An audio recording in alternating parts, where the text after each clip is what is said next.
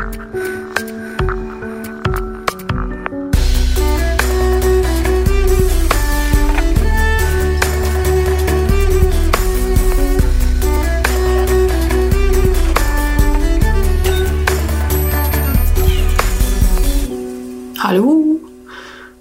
All right, da starter vi. Hei, folkens. Um, velkommen til en ny episode av Nerve med meg, Tone Savro. Dette er min podkast. Um, her dreier det seg om meg. Nei da. Uh, nei da, jo da. Men, uh, ja, ja, da, men, men Jo da, men nei da. Um, Håper alle der ute har det bra. Jeg har hatt en uh, ganske kjip dag i dag. Nei, jeg skal ikke si at jeg har hatt en kjip dag. Jeg skal bare si at jeg er uh, litt uh, Livet suger for tiden. bare for å si det så veldig enkelt. Men jeg orker ikke å snakke så veldig inngående om hvordan formen er nå. det orker jeg rett og slett ikke i dag. Men jeg har ikke gjort så veldig mye i dag. Det har vært litt sånn de siste dagene at jeg har rett og slett gledet meg til dagene over. Litt den følelsen der, at du liksom bare ser på klokka og tenker åh, kan ikke klokka være litt mer, sånn at jeg kan gå og legge meg. Det eneste jeg har ønsket å gjøre de siste dagene, har egentlig vært å bare være i senga. Og bare ikke stå opp, bare bli liggende i senga og gå og legge meg tidlig. Det er egentlig det jeg har tenkt mest på. Høres veldig ålreit ut. Men sånn er det nå. Sånn, sånn, er det bare akkurat nå. Jeg filmer dette som vanlig. Det legges ut på min Patreon som en videopodkast for dere som har lyst til å se dette som et opptak. Så er det altså tilgjengelig for alle som er patrons på patreon.com slash tonesabro.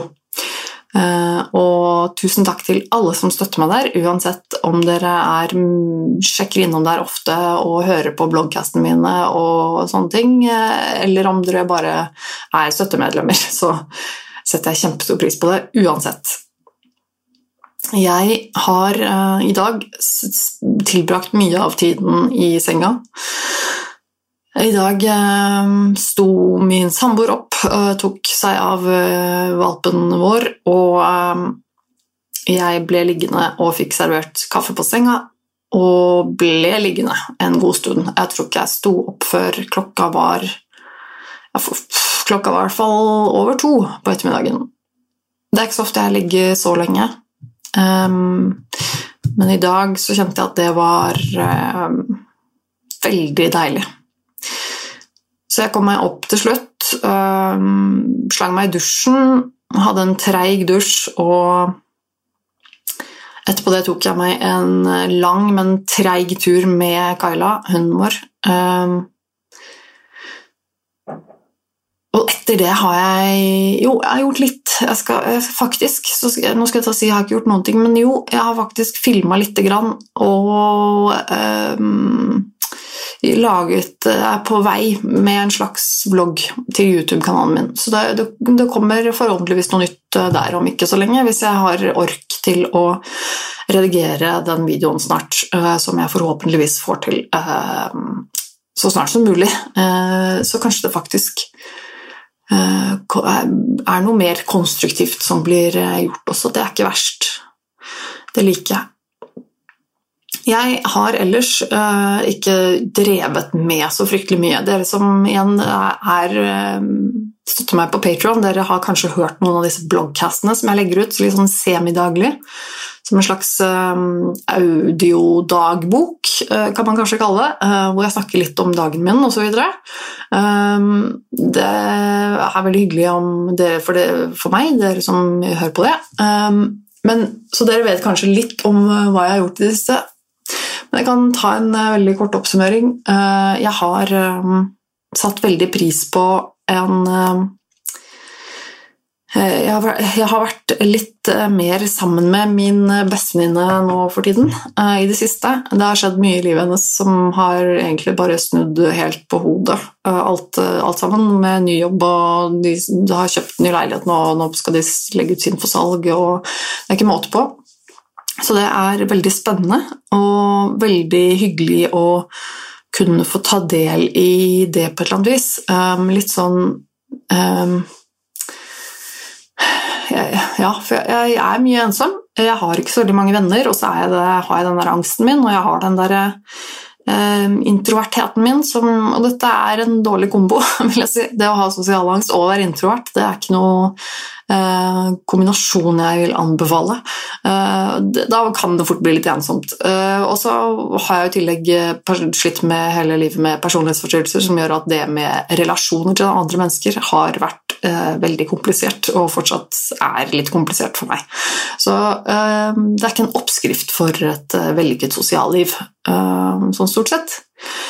Um, så, og jeg merker det i sommer, så har det vært Og så er jo dette med korona i tillegg, da, som gjør at eh, det i, i, tillegg til alt det jeg har fra før, så er det jo egentlig ikke lov å drive og treffe folk. Um, så det Takk for det. Uh, det er uh, herlig. Uh, vi er alle glad i denne, dette koronaviruset. Det er flott. Virkelig. Um, men uansett, jeg så jeg, jeg, jeg, har møtt henne litt i det siste, og det har vært veldig deilig. Jeg kjenner at jeg har trengt å møte noen. og jeg um, trengte det å være sammen med noen, være der for noen, eller føle at liksom, noen setter pris på meg, annet enn selvfølgelig altså, samboeren min og sånn. Det er ikke for å uh, undergrave det, altså, men, um, men, det er noe med at man kanskje trenger litt flere folk enn det i livet sitt av og til. Um, så det har vært, det har vært fint å, å, å, kunne kjenne på det. Men jeg eh, En annen ting jeg gjorde, det var vel egentlig mest i går, av de siste par dagene i hvert fall i går, eh, var dette Jeg har snakket om forholdet mitt eh, her i podkasten før, og, og i samboerprat på Patrion og litt forskjellig. Det at jeg er i et åpent forhold med samboeren min, og det at vi også begge to er har profiler på datingapper som eh, Tinder og sånn. Det har jeg jo snakket om eh, mange ganger før. Eh, og det er, det er, ikke det jeg skal snakke om hovedsakelig med forholdet vårt nå. Det, kommer sikkert mer om det siden, og hvis du er mer interessert, så kan du oppsøke det som allerede ligger ute. Men um, i går registrerte jeg meg på en datingapp til som heter Happen. Uh, den har ikke jeg prøvd før. Uh, jeg har jo ikke vært uh, ja, altså, I mitt voksne liv så har jeg stort sett vært i forhold, og det har vært monogame forhold. Alle de forholdene jeg har hatt frem til det forholdet jeg er i nå. Så det å drive med dating på app er liksom ikke noe jeg har drevet med i mange år. Sånn at Eh, jeg har vært på Tinder en stund, liksom, og syns det, sånn, det kan være tidvis litt eh, ja, artig. Eh, veldig ofte veldig frustrerende og kjedelig. Men Så i går registrerte jeg meg på Happen bare for å fordi jeg er nysgjerrig, egentlig. Se hvordan det funker, og om jeg liker den bedre, eller ja, bare for moro skyld, egentlig. Se om det er noe spennende. Så jeg gjorde det, eh, registrerte meg der. Eh, og for dere som ikke vet noe om dette, så, og jeg vet ikke svært mye om den selv, jeg har som sagt akkurat registrert meg der, men Happen eh, er litt sånn det er jo, Mange prinsipper er jo på en måte det samme som med Tinder, at du skal like eller ikke like, og at du, de du liker og ikke liker, er anonymt hovedsakelig til du får en match. Altså Hvis du liker noen, og vedkommende liker deg tilbake, så får du vite det. Da blir det en match. Men hvis du liker noen som ikke liker deg tilbake, så er det ingen av dere som noen gang får vite om det. Um, det er et greit prinsipp. Happen er vel litt mer sånn at den går på um, lokasjon også, tror jeg. Altså, at du, så vidt jeg har skjønt det, så er det litt med i forhold til at den matcher deg, eller foreslår folk som du har uh, gått forbi uh, eller vært i nærheten av i det siste.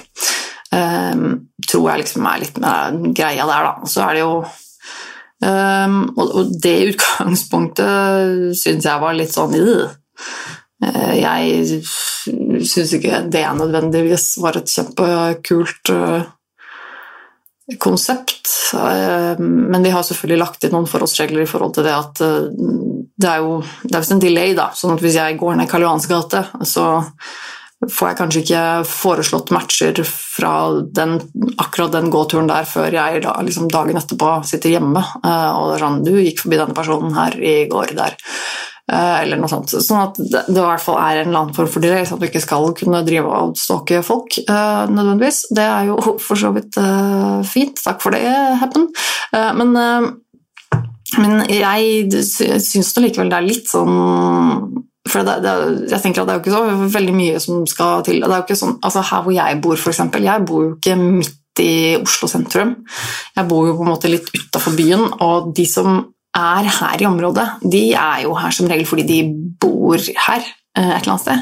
Så hvis jeg får opp noen i Happen som har crossed paths, som det heter med meg, eh, i den gata her nede, så er det jo på en måte ikke helt urimelig av dem å anta at jeg bor i området. Og det syns jeg er litt sånn mm, Ja eh, Litt creepy.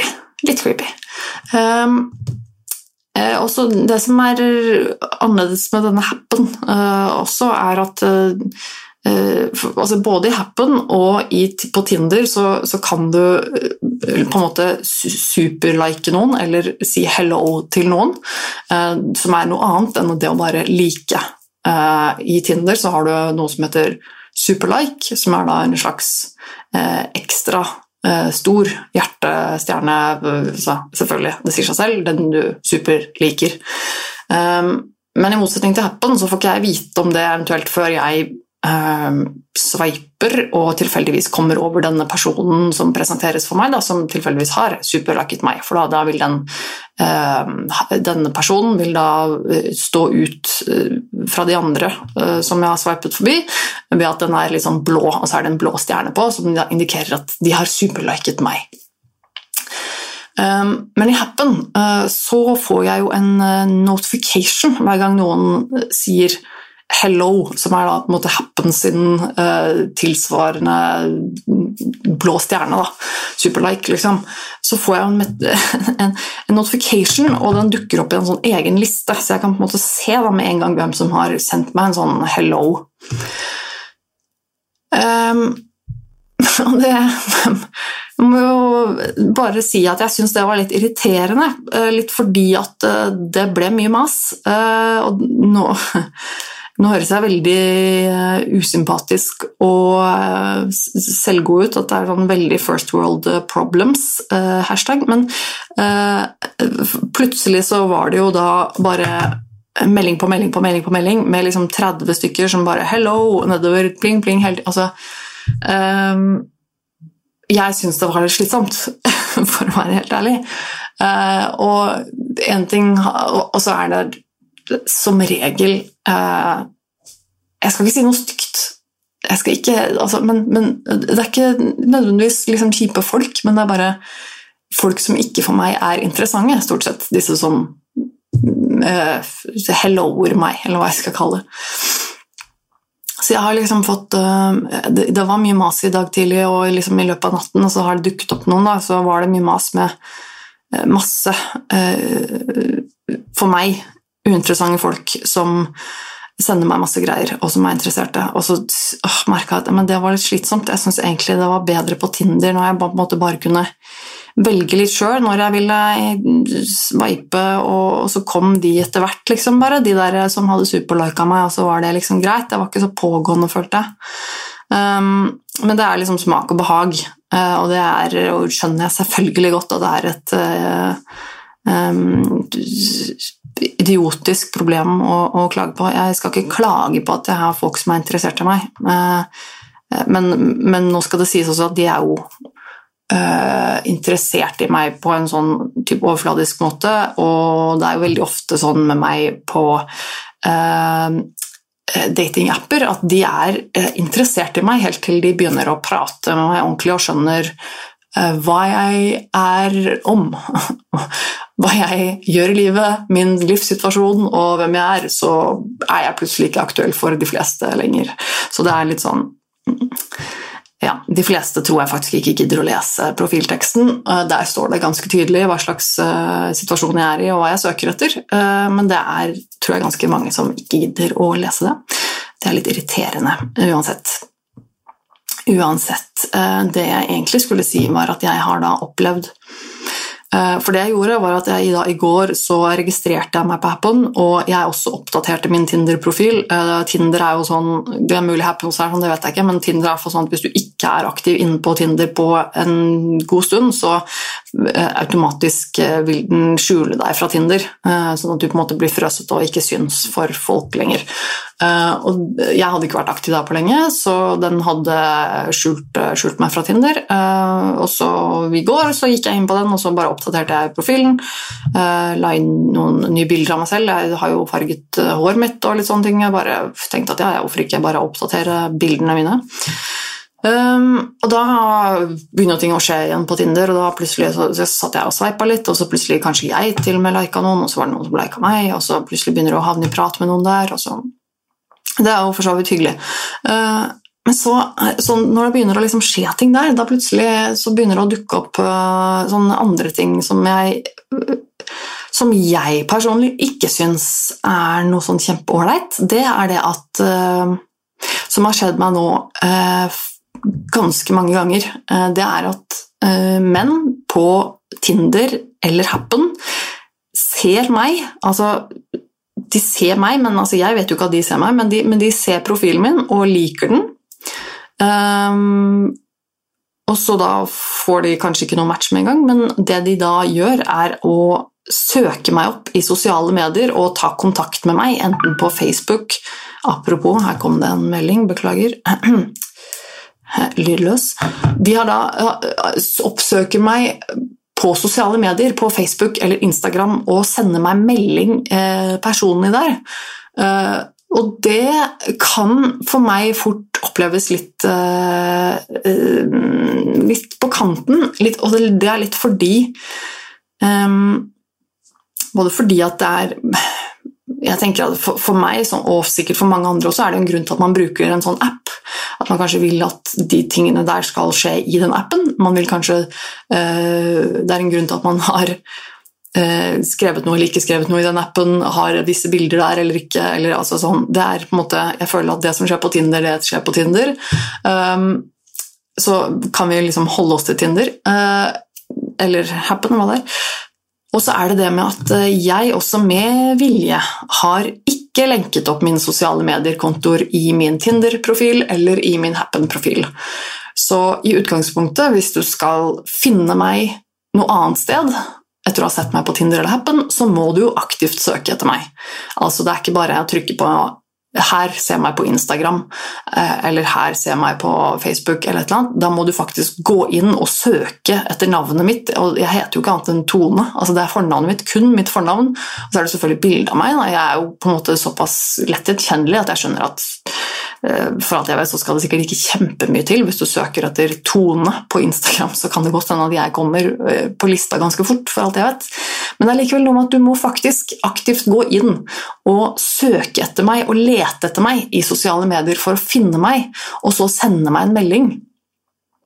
Som jeg eh, kjenner at jeg reagerer litt på, for det syns jeg For det første så er det noe jeg aldri ville ha gjort.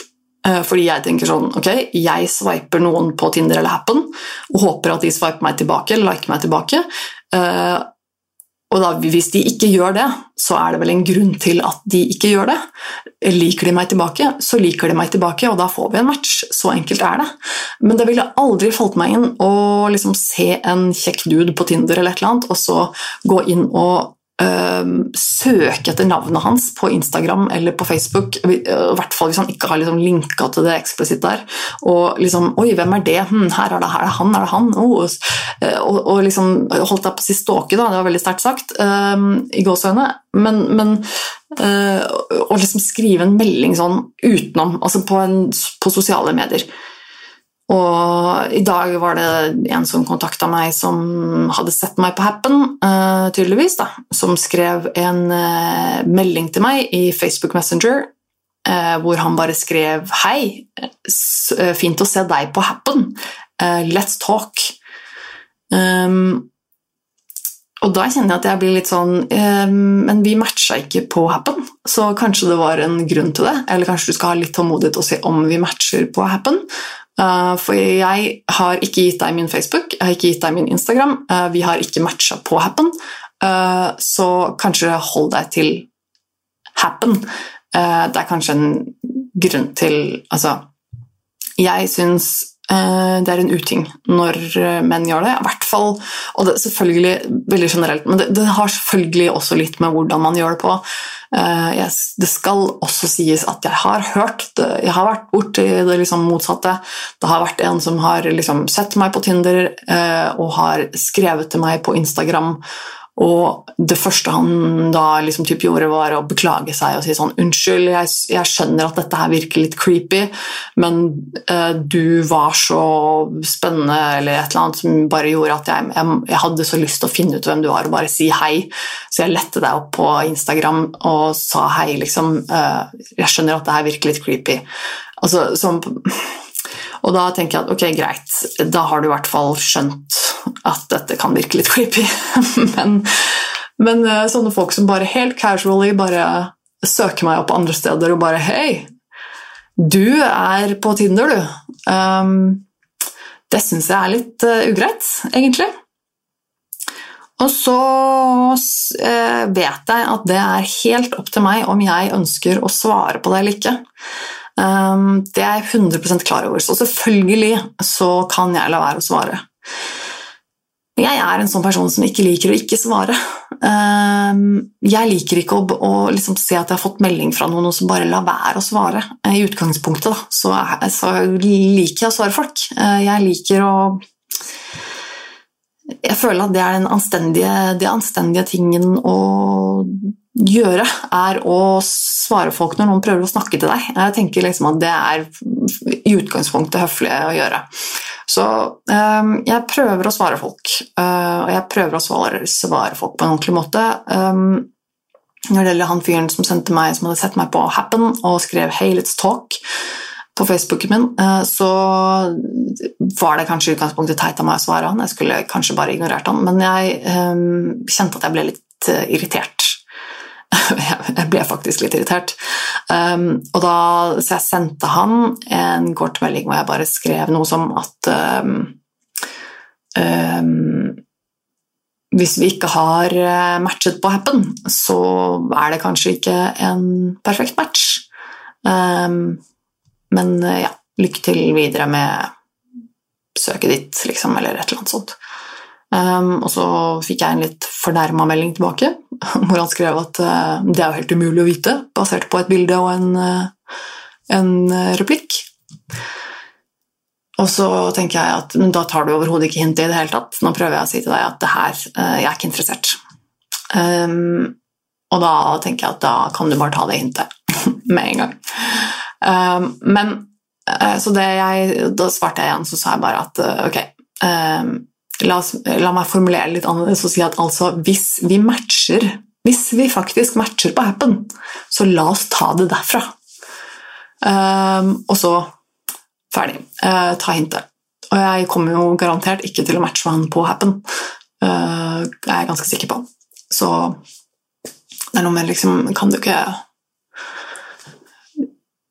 um, og jeg, jeg, snakket så vidt med samboeren min om det her i stad. Uh, han vet jo selvfølgelig alt om dette med at jeg, jeg er på appen osv. Vi snakker om dette her uh, oss imellom. Um, og jeg, for jeg syns jo det er litt sånn rart på noen måter, da, at ikke, at ikke menn, eller han da, eller andre, enkelte i hvert fall andre menn, skjønner at det kan være litt sånn creepy. Eller ikke nødvendigvis creepy, men veldig pågående. Og det at eh, det er eh, Nå skal ikke jeg snakke på vegne av alle kvinner, overhodet ikke. Jeg snakker bare på vegne av meg selv her nå, men jeg antar jo at det er noen andre som føler det samme som meg også. Eh, om at, at det med en veldig pågående mann som har sett deg i en datingapp, det kan Ja, det, er ikke alltid heldig. Eh, det kan fort oppfattes som eh, litt mer, mer, mot det ubehagelige enn det behagelige, da, for å si det sånn. Eh, alt, altså, ja, selvfølgelig, det er et kompliment og alt det. Jeg, jeg, altså, jeg skjønner det, jeg tar det som et kompliment, jeg, men jeg må jo si likevel at jeg blir litt irritert når, jeg, når vedkommende tydeligvis ikke skjønner at um, det kan hende at du, er, du, går på en måte lite grann, lite grann over uh, over mot å være litt creepy her nå. Uh, men nei, jeg, jeg vet ikke. Uh, og jeg som sagt, jeg skal, jeg skal, ikke stemple alle med å si at jeg er creepy, for det, igjen, det kommer veldig an på liksom øh, mange ting, og hvordan man sier ting, og jeg vet ikke i det hele tatt, men, øh, men det er liksom jeg, jeg, tror, jeg, tror, rett og slett Men jeg tror også kanskje at den der terskelen øh, Det at jeg er kvinne, da, at det gjør at min terskel er lavere for å synes at menn er creepy enn kanskje menn syns at damer er creepy, f.eks. Jeg har vel nesten aldri i mitt liv hørt menn snakke om eh, pågående damer som creepy. Altså sånn altså, Jo, selvfølgelig, altså, er du skikkelig pågående og mm, trakasserende, så er det creepy, men jeg mener uh, I den situasjonen vi snakket om nå, så har jeg på en måte aldri hørt en mann klage på at Oi, ja, men hun fant meg, hun så meg på Tinder, og så sjekka hun meg ut på sosiale medier. og, og så har jeg aldri hørt noen menn klage på det. Men for alt jeg vet, så kan det godt hende at det skjer hele tiden, og at menn ikke liker det heller. Det kan jeg i så fall forstå. Men det er liksom noe med den derre Jeg vet ikke, altså. Jeg tror Jeg, tror, ehm, jeg skal ikke jeg skal, jeg skal, ikke drive og sitte her og si at liksom, og det sterke og det svake kjønn og sånn. Det er ikke det jeg mener. Og da jeg sier, hvis jeg mener det, hvis jeg skal bruke den den type språk om, om, kjønnene våre, så er det i så fall bare noe med det rent fysiske å gjøre. At, uh, men det er liksom kanskje noe med det at som man, man, som kvinne i, det, i, dette samfunnet ofte kanskje føler seg mer sårbar i kjøttet sitt enn det en mann vil gjøre. Litt fordi at uh, Ja, jeg vet ikke. Det er vel noe med at man, uh, man er oftere utsatt for Eh, slike ubehagelige hendelser da, når man er kvinne. Man, eh, det er jo statistisk sett sånn at de fleste som forgriper seg eller stalker eller altså, sånne ting, det er som regel Statistisk sett så er det menn som gjør det mot kvinner. Menn er også generelt sett eh, fysisk sterkere um, enn kvinner, og i tillegg historisk sett har menn mer makt enn kvinner. Um, så, og jeg tror det jeg kan i hvert fall tenke meg at på mange måter så er det liksom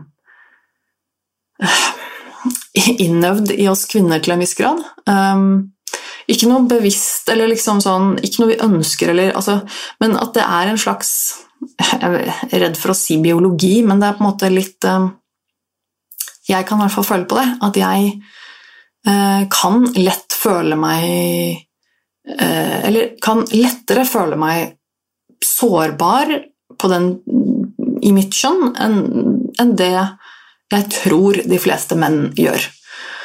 Og det er selvfølgelig ikke en god ting. og det, på mange, mange, Man kan si at det burde ikke være sånn, og at ting er blitt bedre eller dårligere, eller, og, altså sånn og sånn, men, øh, men, jeg tror nok likevel at det er en realitet for ganske mange.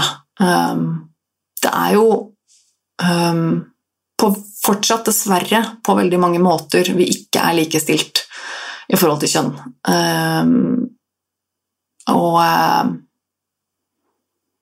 ja, nei, jeg skal, ikke, jeg skal, ikke, begynne på en kjempelang diskusjon om uh, rant om likestilling og sånn, det kan vi spare til en annen gang, men det var i hvert fall uh, det, skulle, det, det jeg skulle si om det. Og så Nå har jeg lovet to uker på rad at jeg skal ta tak i um, et par lyttemail. Um, jeg, skal gjøre det nå, jeg må gjøre det nå, jeg, vil gjøre det nå. Uh, for det har jeg litt dårlig samvittighet for at jeg ikke har tatt tak i før nå. For jeg har nemlig fått Eh, det hender jo fra tid til annen at jeg får eh, mail fra dere som hører på denne podkasten, og det er eh, veldig mye forskjellig jeg får på mail. Noe av det er bare en veldig enkel og fin 'tusen takk for podkasten din, jeg digger den'. Noen andre har, har kritikk, som f.eks. at jeg kan ha en tendens til å bruke litt ukorrekte ord iblant, som f.eks. at jeg har brukt ordet mongo i gåseøyne og handikappa i gåseøyne eh, på måter som for enkelte kan virke støtende. Det beklager jeg, eh, for det er overhodet ikke sånn jeg mener det. Jeg skjønner poenget til de menneskene som påpeker dette, og eh, selv om jeg personlig kan tenke at jeg mener det jo ikke på den måten i det hele tatt. Når jeg sier at jeg er litt mongo, eller at jeg, denne episoden er litt handikappa, uh, quote unquote, så um, er det litt innforstått for meg at dere som hører på, kjenner meg såpass godt at dere ikke vil uh, ta dere nær av det. Men det er selvfølgelig kanskje ikke noe jeg burde gjøre. Så uh, beklager det. Uansett, uansett um, jeg får uh, alt mulig rart på mail. Og noen ganger så får jeg mailer som er kjempelange, og hvor folk uh, skriver om sin livshistorie og hva de har opplevd, eller hva de sliter med. og er, Noen kommer med spørsmål eller innspill, eller, og det er uh, Uansett hva folk skriver, så er det kjempegøy å få mail fra dere. Så, uh, og jeg, som jeg Jeg skal gjenta det igjen, at jeg, jeg, leser, jeg, leser, alt på et eller annet tidspunkt. jeg vil gjerne svare også, enten her eller om det er liksom skriftlig. Eh, men det er ikke alltid jeg får gjort det, selv om jeg ønsker å gjøre det. Så, men um, bare vær trygg på det at eh, det du skriver, det vil som regel nå meg på et eller annet tidspunkt, men det er ikke sikkert jeg har kapasitet til å svare alle jeg vil svare. Men jeg fikk en lyttemail. Um, jeg skal hente fram den mailen her nå, bare så jeg har den foran meg, uh, fordi at Um, fordi at Å, hvorfor er den her så forbanna mongo? Åh. Der. Takk. Unnskyld, nå sa jeg det igjen. Det var ikke meningen. Nå var jeg det var litt lættis. Uh, sorry. Si litt om meg, ass. Jeg er jo ikke helt uh, oppegående i huet mitt alltid. Um, så beklager det. Uh, nei, her. Nerve med tone at gmail.com. Her har vi noen mailer. Og jeg fikk en uh, mail fra en jeg, jeg, Som sagt før, så ville jeg aldri utlevere noe navn eller noe sånt noe her. Jeg kan si at det er dame som har sendt meg denne mailen. Hun skriver at uh, I utgangspunktet så skriver hun om eh, Hun lurer på har du noen gode råd til hvordan jeg kan snakke med 15-åringen min når jeg mistenker begynnende spiseforstyrrelser. Og så går hun, Det er en forholdsvis lang mail, hun forklarer litt situasjonen. Um, og hvorfor hun mistenker at hun kanskje har litt spiseforstyrrelser, og hva slags andre folk i familien som eventuelt kanskje har påvirket henne, og sånne ting. Uh, uh, og det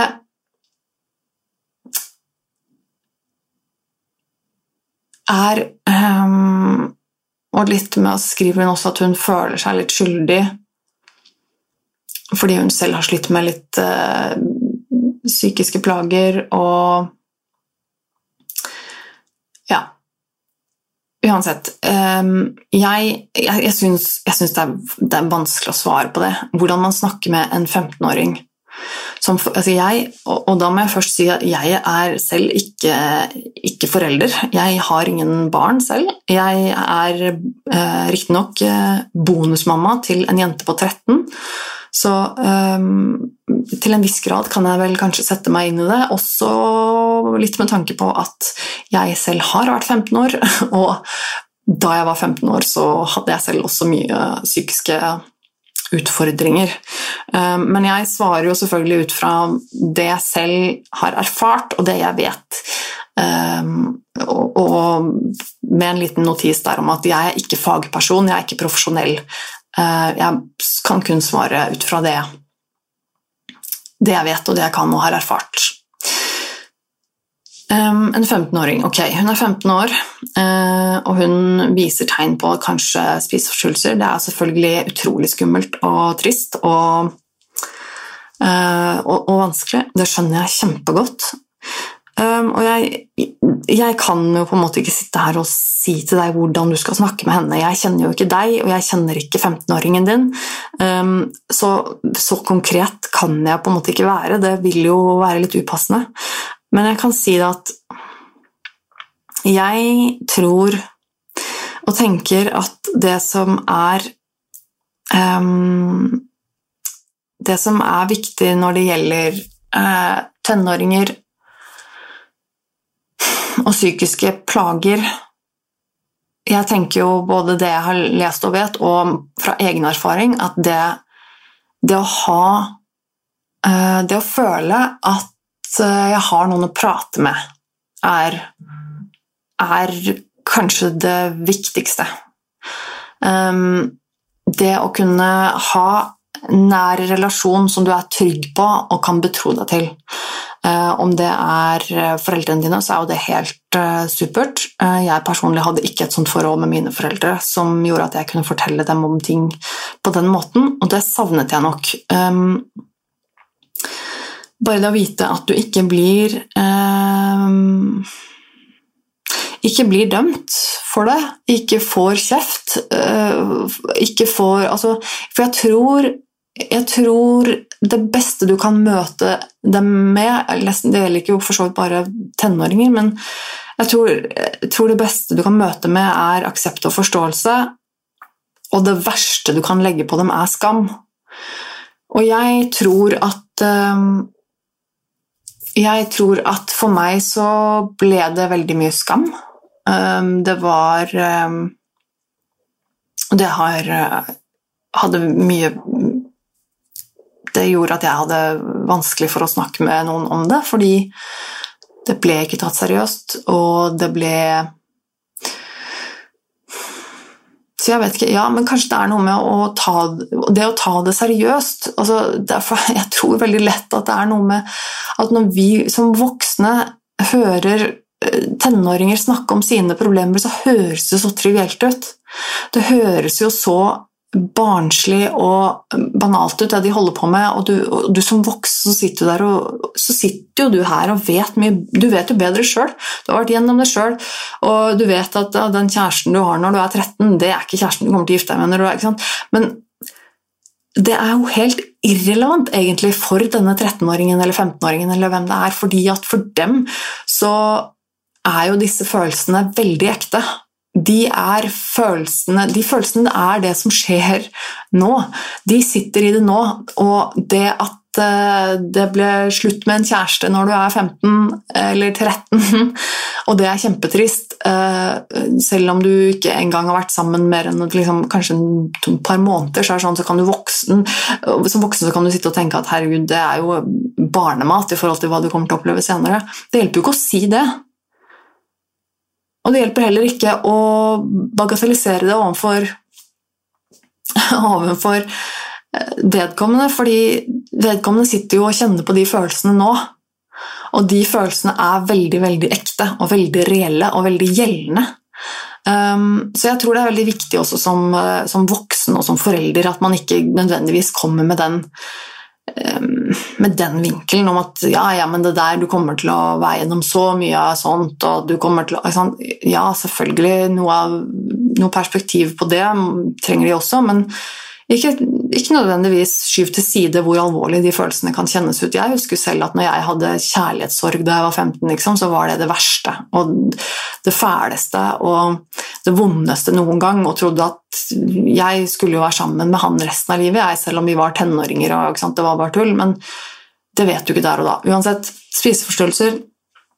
Men jeg tror det har noe med um, um, det å, kunne, det å, kunne, snakke med dem, selvfølgelig, det at de har noen å betro seg til. Og om det ikke det er foreldre, så kanskje det er noen på skolen. Kanskje det er en lærer, kanskje det er helsesøster, kanskje det er um, kanskje det er et, eh, et system der som, som, du kan få hjelp gjennom. Du som forelder har vel eh, muligheten til å ta kontakt med eh, barne- og ungdomspsykiatrien eller helsesøster på skolen, kanskje, eller eh, sånne ting. Kanskje det, er en, kanskje det er en idé at eh, din sønn eller datter da kanskje kan eh, få en samtale med en helsesøster eller en psykolog gjennom BUP. Um, og Eh, det kan vedkommende ha godt av uansett om hun har spiseforstyrrelser eller ikke. Og så kan det hende at dette er en periode. Um, det er jo sånn at ting forandrer seg veldig fort når man er ungdom og i tenårene. tenårene så er jo ett år er jo evig langt, og det skjer ekstremt mye opp og ned, og meninger som forandrer seg og alt det der, det vet vi jo alt om. Eh, også når du er på den alderen der, så er det mye, mye utvikling som skjer. Det ene som er kult den ene dagen, er plutselig dritteit den andre dagen. Um, og jeg tenker at um, Kanskje det er hennes vaner nå med mat er noe hun har fått for seg akkurat nå, som hun gjør eh, fordi kanskje hun er påvirket av noen, eller noe eh, hun ser, eller og det, og det, er selvfølgelig ikke Det er jo ikke bra, jeg prøver ikke å bagatellisere det nå, men det er likevel heller ikke sikkert at hun har et spiseforstyrrelsesproblem. Det kan hende hun Kanskje det er noe helt annet som plager henne, som har utslag i matrutinen hennes. Men uansett, jeg tror at kanskje Dårlig Jeg føler ikke så dårlig råd nå, men det er sånn, jeg tror at du kanskje Kanskje bare prate, og ikke nødvendigvis fortelle liksom hva hun burde gjøre, eller hva hun ikke burde gjøre, og hva som er farlig og ikke farlig. En 15-åring forstår ganske mye. Um, en 15-åring vet uh, ofte mye Um, og det, det er kanskje det beste å hvis man ikke har det fra før, i hvert fall, også by, prøve å bygge opp en relasjon som er trygg, som gjør at hun kan snakke med deg. Um, kanskje, er, kanskje, er, det mat hun vil snakke om, om kropp, om press, um, eller kanskje det er noe helt annet. Uh, kanskje det er noen uh, noen hun krangler med i klassen eller på skolen, er venninner, kanskje det er kjærlighetssorg, kanskje det er eh, noe helt annet, men jeg tror på en måte at utgangspunktet Utgangspunktet er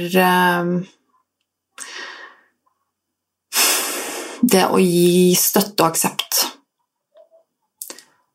Um, jeg tenker jo ofte på det også når det gjelder min bonusdatter. Um, hun også har jo sine problemer, selvfølgelig. Og jeg prøver så, veldig, så godt jeg kan å ikke bagatellisere hennes problemer. Jeg, jeg og henne vi har et, et, ganske godt forhold. Hun forteller meg ganske mye. Jeg vet at hun forteller meg enkelte ting som hun ikke forteller til foreldrene sine. Eh, så er det selvfølgelig opp til meg å ha det ansvaret og, og vite hva jeg må si videre og ikke. Men, eh, men det er litt viktig for meg det at hun kan, hun kan føle at, uh, at, det er lov å ha liksom, litt hemmeligheter med meg, og at jeg skal ikke si alt videre til mamma og pappa. Uh, nødvendigvis så gjør jeg ikke det. Jeg selvfølgelig gjør jeg det hvis det er noe stort eller alvorlig eller et eller annet som jeg føler at dette her må mamma eller pappa vite. Selvfølgelig. Men, um, men da har jeg sagt til henne også det at jeg hadde, en, jeg hadde en, samtale med henne om, om, akkurat det her nå forleden, hvor hun spurte meg om, liksom, om, hun kunne få si noe til meg som ikke hun hadde sagt til mamma og pappa, eller om, om, jeg kom til å si det videre med en gang hvis, det, hvis hun sa noe sånt til meg. Så sa jeg at det kommer veldig an på hva det er. Um, I utgangspunktet så syns jeg det er helt greit at du og jeg kan ha hemmeligheter sammen.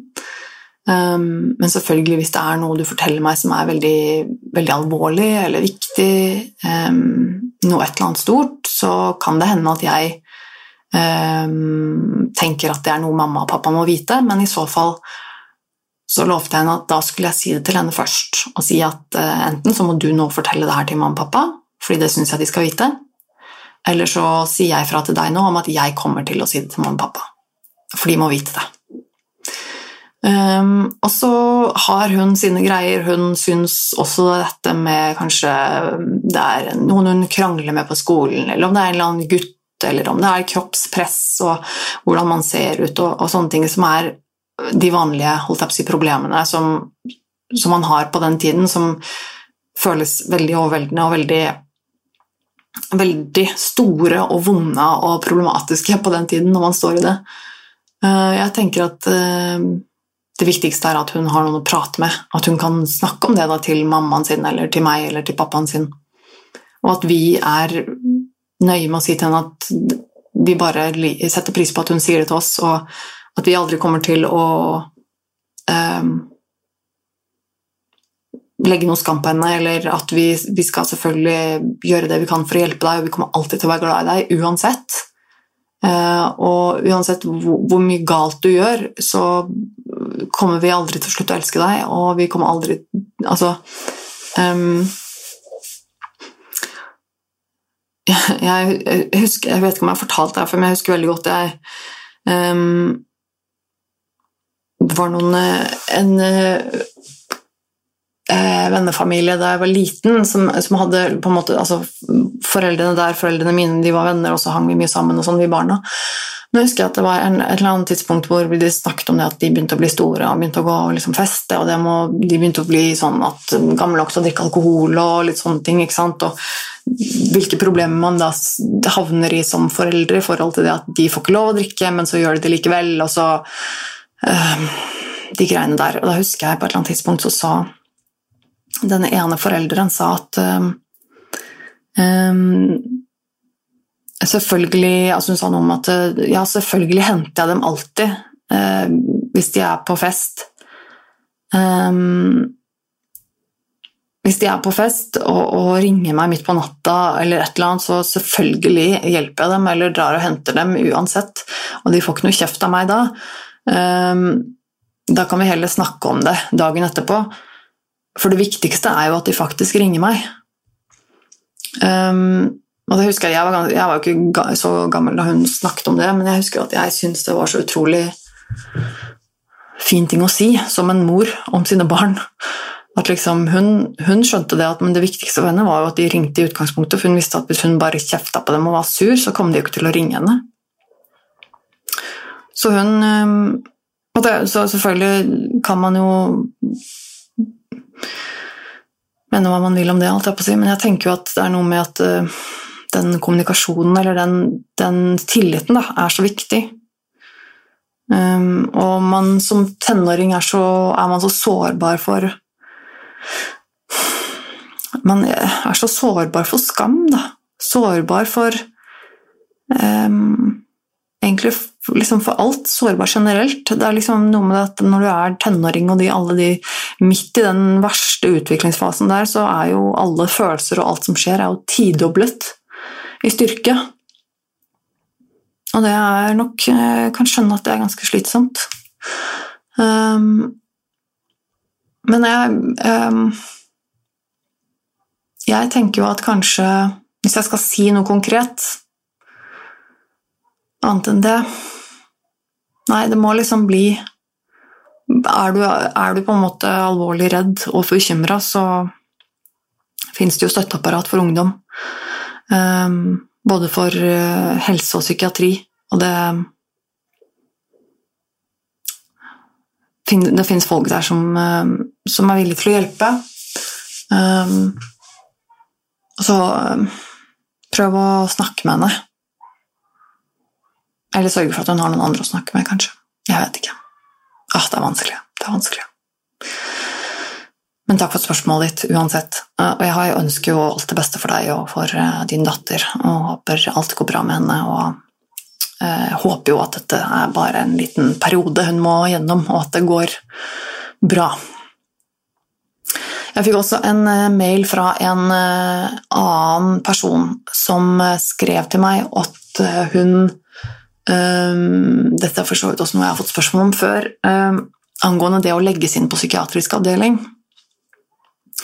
Uh, og det skjønner jeg at er skummelt. Og jeg fikk nå en, tidligere en mail fra en uh, som skulle legges inn, um, og syns det Altså et, en planlagt innleggelse, da, som er noe så, altså, fordi at man går gjerne i behandling til en psykolog, og så har da denne psykologen fremlagt forslag om at jeg tror kanskje det at du kan ha godt av en innleggelse en periode. Og da er jo det om at man søker om en plass, og så er det noe som planlegges eh, på forhånd. Eh, og det skjønner jeg at er veldig skummelt. Når du får den eh, meldingen der, holdt jeg på å si, når du får den beskjeden der eh, fra en eh, behandler, eh, og du aldri har vært innlagt før, så skjønner jeg at det er kjempeskummelt. Og hun Eller var det han? Ja, samme det. vedkommende lurer på hva, hva en kan forvente. Eh, noe med forventningene. Eh, redd for å miste kontrollen og redd for å åpne seg. Og det skjønner jeg så godt. Eh, først så skjønner jeg at det er, at det er skummelt å eh, tenke på å bli innlagt. Jeg syns også det. Jeg har jo, som jeg har fortalt om flere ganger før, vært innlagt selv, eh, både på akuttpsykiatrisk eh, flere ganger. Som er veldig da, som sier seg selv, akutt, som er da ikke planlagt. Men jeg har også vært lagt inn hvor det har vært planlagt innleggelse, hvor jeg har vært lagt inn over en lengre periode. Og jeg syns det selvfølgelig er skummelt. Det er jo skummelt. Det er um, veldig ukjent. Du aner ikke hva som møter deg, hvordan det ser ut, du aner ikke hva slags mennesker som er der. Du har kanskje bare Eneste du vet, er det du har sett på film, liksom. Eller, altså, og det er som regel ikke helt det samme som virkeligheten. Um, og jeg tror det er veldig jeg tror det er veldig vanlig å være redd, at det, er skummelt. Og heldigvis så er det noe som går ganske fort over. Det er jo som regel noe du føler på før du kommer dit. Når du først er kommet deg dit, så går det som regel greit. Da er du på en måte i det, og da, da, da, da skjer det, på en måte. Um, men uh, selvfølgelig er det skummelt, for hun er, uh, hun, uh, eller han sier at skal vi se Skal vi se, hva sto det hva, ja, hva du kan forvente. Ja, det er jo vanskelig å si når jeg heller ikke vet hva slags avdeling det er, eller hva du sliter med, hva slags behandling du skal ha.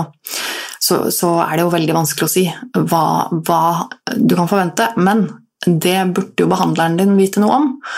Um, så hvis du har en psykolog som har fremmet forslaget om innleggelse, så er det også lov å snakke med psykologen om Eh, om hva du kan forvente deg. Hva slags sted dette er, hva slags folk det er som er der, eh, om han vet noe om hva slags rutiner de har der. Um, og hvis han ikke vet det, så kan han sikkert finne ut av det for deg. For å berolige deg litt. Eh, han kan nok helt sikkert ta en telefon dit på dine vegne til neste time, eller et eller annet, og så finne ut litt info. Det går an å, be om det. Det med å, uh, hva andre folk tenker, det skjønner jeg også. Um, jeg følte veldig på det selv. Um, det at jeg ble innlagt, var det jo egentlig ingen som fikk vite. Jeg Den eneste personen som fikk vite om at jeg ble innlagt, uh, var min daværende ektemann og altså psykologen uh, som la meg inn. Eller så sa jeg det ikke til noen. Um, og jeg ville ikke si det til noen, jeg var redd for å si det til folk. Jeg ville ikke at noen skulle vite det. Um, og uansett hva som er grunnen for det, så er det mitt privilegium som voksen menneske er å uh, ikke si det til folk hvis jeg ikke vil si det. Og de som jobber der, de har taushetsplikt. Um, og de kommer heller ikke til å ringe familien din hvis ikke du vil det. Det er også noe jeg var veldig opptatt av, husker jeg da jeg, da jeg ble lagt inn på den ene åpne avdelinga. Nei, det var ikke det var på akuttpsykiatrisk. Eh, da jeg ble lagt inn der, sikkert første gangen, eller et annet, så var jeg også veldig redd for at de skulle drive og ringe til familien min og fortelle hva som har skjedd, eller om det var et eller annet de skulle det så jeg var, veldig, jeg var veldig nøye med å si det. Um, at, uh, for, men det, dette er noe, mest sannsynlig noe du vil, et spørsmål du vil møte på også. Om, hvem er dine um, in, in, case of emergency contact, hva heter det, uh, nærmeste pårørende? Hvem er det vi kan kontakte? Så da velger du selv uh, hvem det er. jeg oppga da at du sa til dem at de fikk lov til å ringe min ektemann. Eller så fikk de ikke lov til å ringe noen. Og jeg ville ikke at de skulle ta kontakt med familien min. Og hvis mot all formodning noen fra familien min skulle kontakte dem, så skulle jeg heller ikke få lov til å si noe. Um, og det respekterer de, for de har taushetsplikt. Det er uh, mitt privilegium. Så det tenker jeg at det, det, det er i utgangspunktet noe du ikke trenger å være veldig redd for. Um, men selvfølgelig um, Du velger jo selv hvem du vil si det til, og når. Uh, og det er jo selvfølgelig sånn at folk tenker jo det de tenker. Du vet aldri på forhånd hva folk kommer til å tenke hvis du sier det til noen. Uh, det blir en helt annen diskusjon om eh, fordommer og stigmatisering osv., men, men nei, altså jeg tenker at det, det, er ikke noe du trenger å bekymre deg om sånn nå i første omgang når det gjelder innleggelse. Um, for det er det ikke um, nødvendigvis noen som trenger å få vite om. Det med å åpne seg uh, skrev vedkommende også litt om. Det å være redd for å åpne seg, og det skjønner jeg også godt. Og det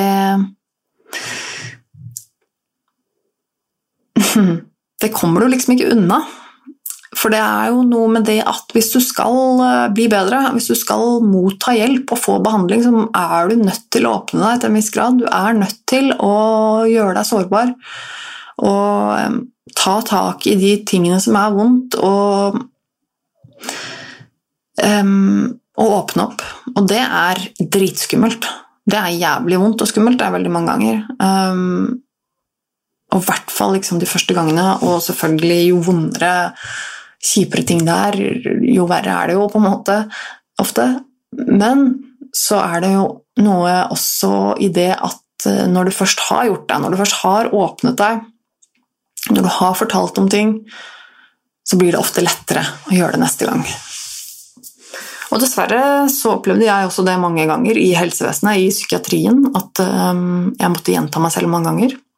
Um, selvfølgelig dette her kommer igjen veldig veldig, veldig an på hvor du er og hva slags behandling og hvem osv. Men jeg måtte jo selvfølgelig også gjenta meg selv mange ganger i form av hva slags behandling jeg har fått før, hva som er problemene mine, hva jeg jobber med og hvordan jeg har jobbet altså, De tingene der. fordi at plutselig så får du et behandlerbytte, eller det er en eller annen som mm, Ikke sant. Altså, det er um, du har som regel mer enn én person å forholde deg til. Og så kanskje du drar ut igjen, og så kanskje du blir innlagt igjen senere, og så er det noen andre du skal forholde deg til også. må du kanskje gjenta deg selv. Og selv om det finnes epikriser og journaler, og sånne ting, så um, vil behandlere gjerne høre deg selv si det med dine egne ord.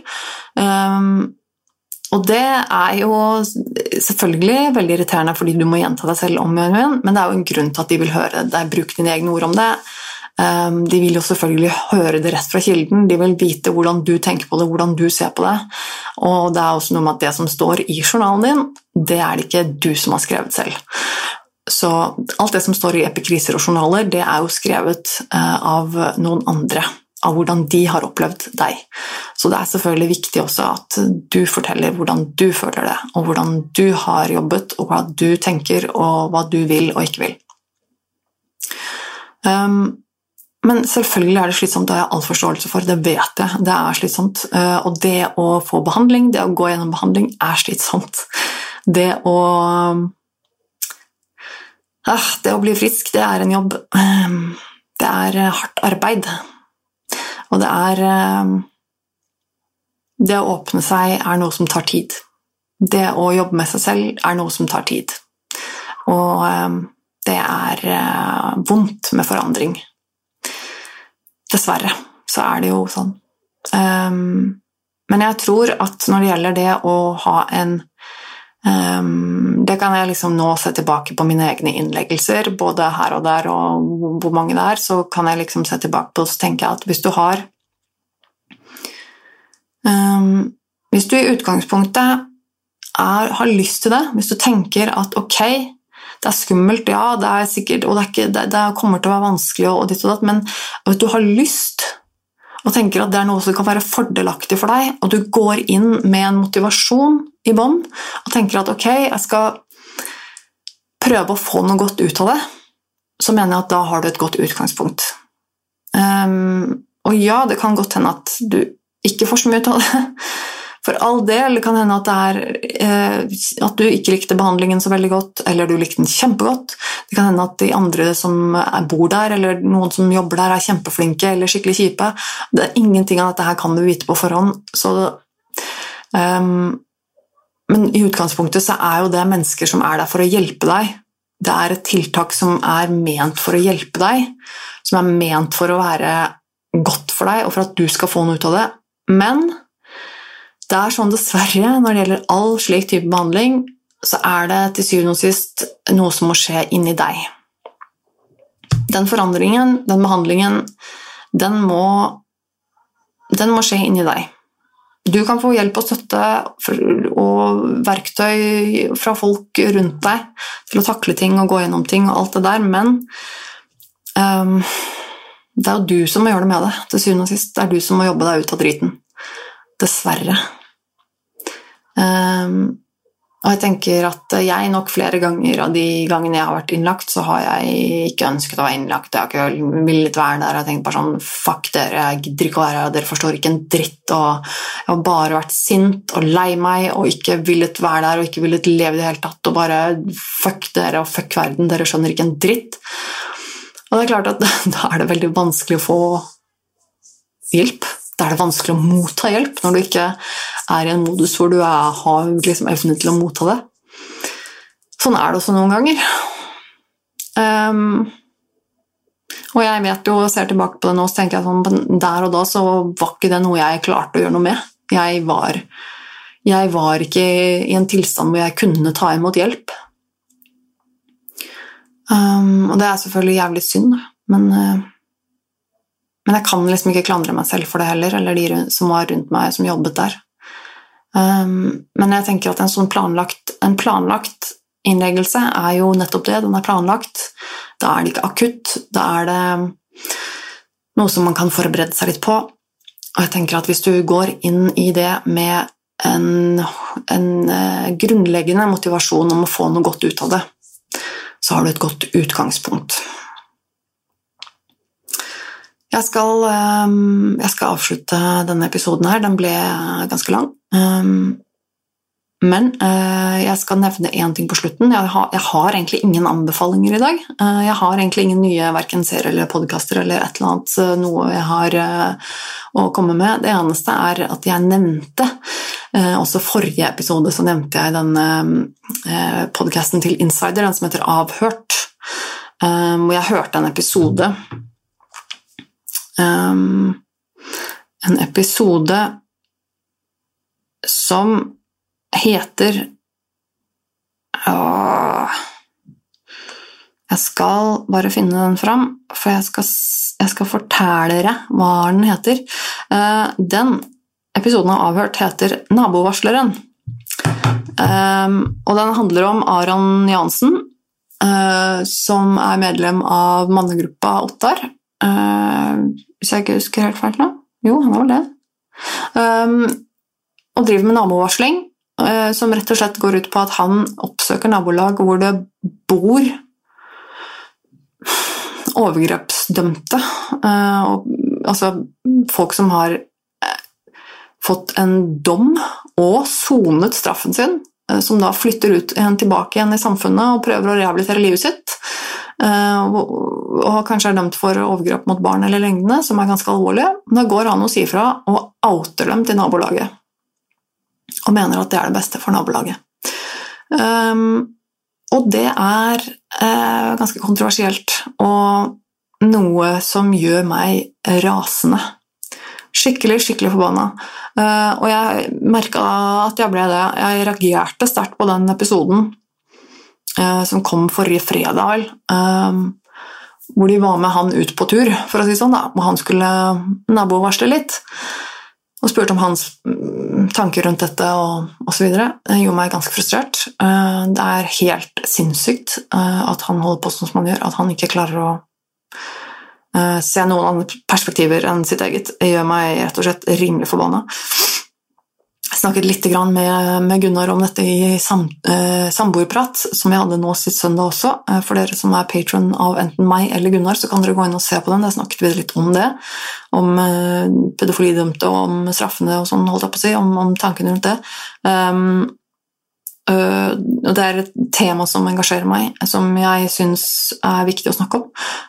Men så den, den, kan jeg anbefale deg å høre på. Uh, den avhørt. Uh, det som også var fint, er at jeg, i dag så kom um, um, tilleggsepisode til den, uh, som de kalte for Nabovarsler, en etterspill.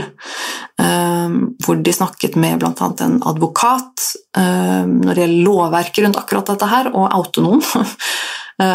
og hvilke rettsprinsipper som gjelder, og hvorfor dette her er mulig lovbrudd, det han gjør, osv. Jeg var veldig enig i det hun advokat... Jeg synes det var veldig bra at de fikk den, at det perspektivet så tydelig frem. Um, samtalen med hun eh, advokaten uh, og alt det hun advokaten sa, uh, ble jeg veldig glad for å høre, for det var sånn yes, yes, yes, yes. Uh, hun satt der litt på plass holdt jeg på å si, og forklarte litt hvorfor dette her ikke er greit, det han driver med. Men et perspektiv også som uh, min uh, samboer uh, Gunnar har kommet med flere ganger når det gjelder dette, her, og som de ikke nevnte i, i det etterspillet, tror jeg, så vidt jeg husker, er jo også det at det å oute en overgriper, over, overgriper unnskyld, det å oute en overgriper er potensielt også det å oute offeret hans slash hennes.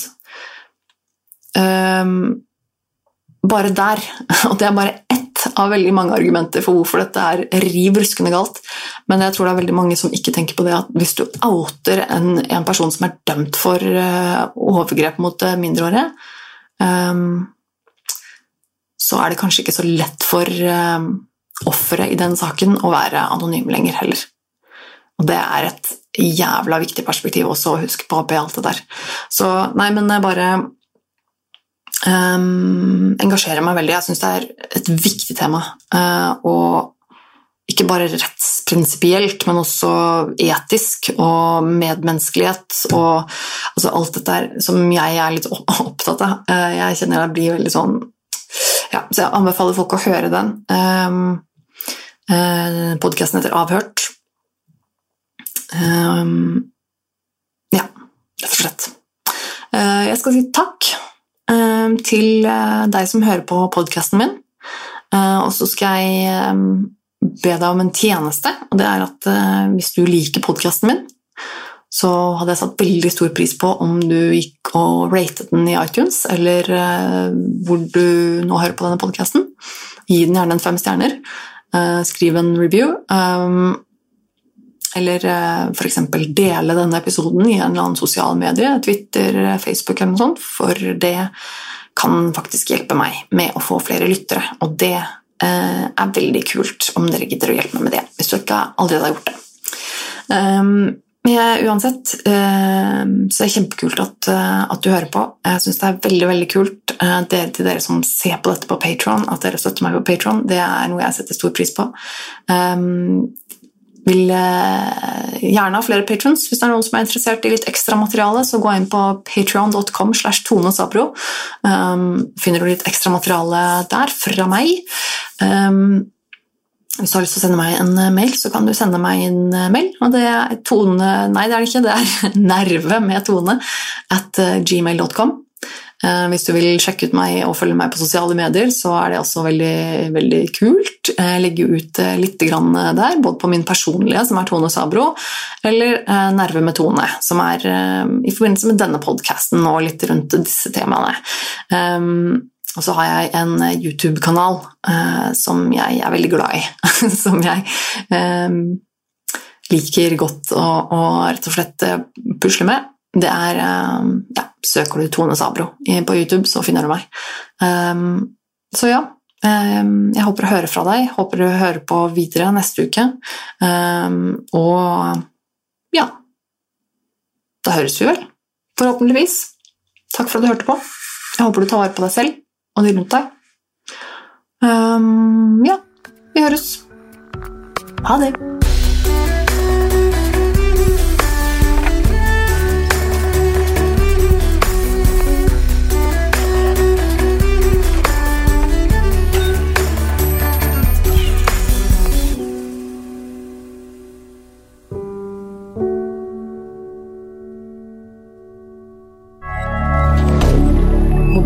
Media.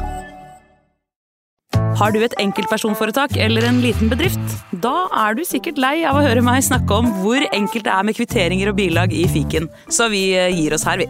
Fordi vi liker enkelt. Fiken superenkelt regnskap.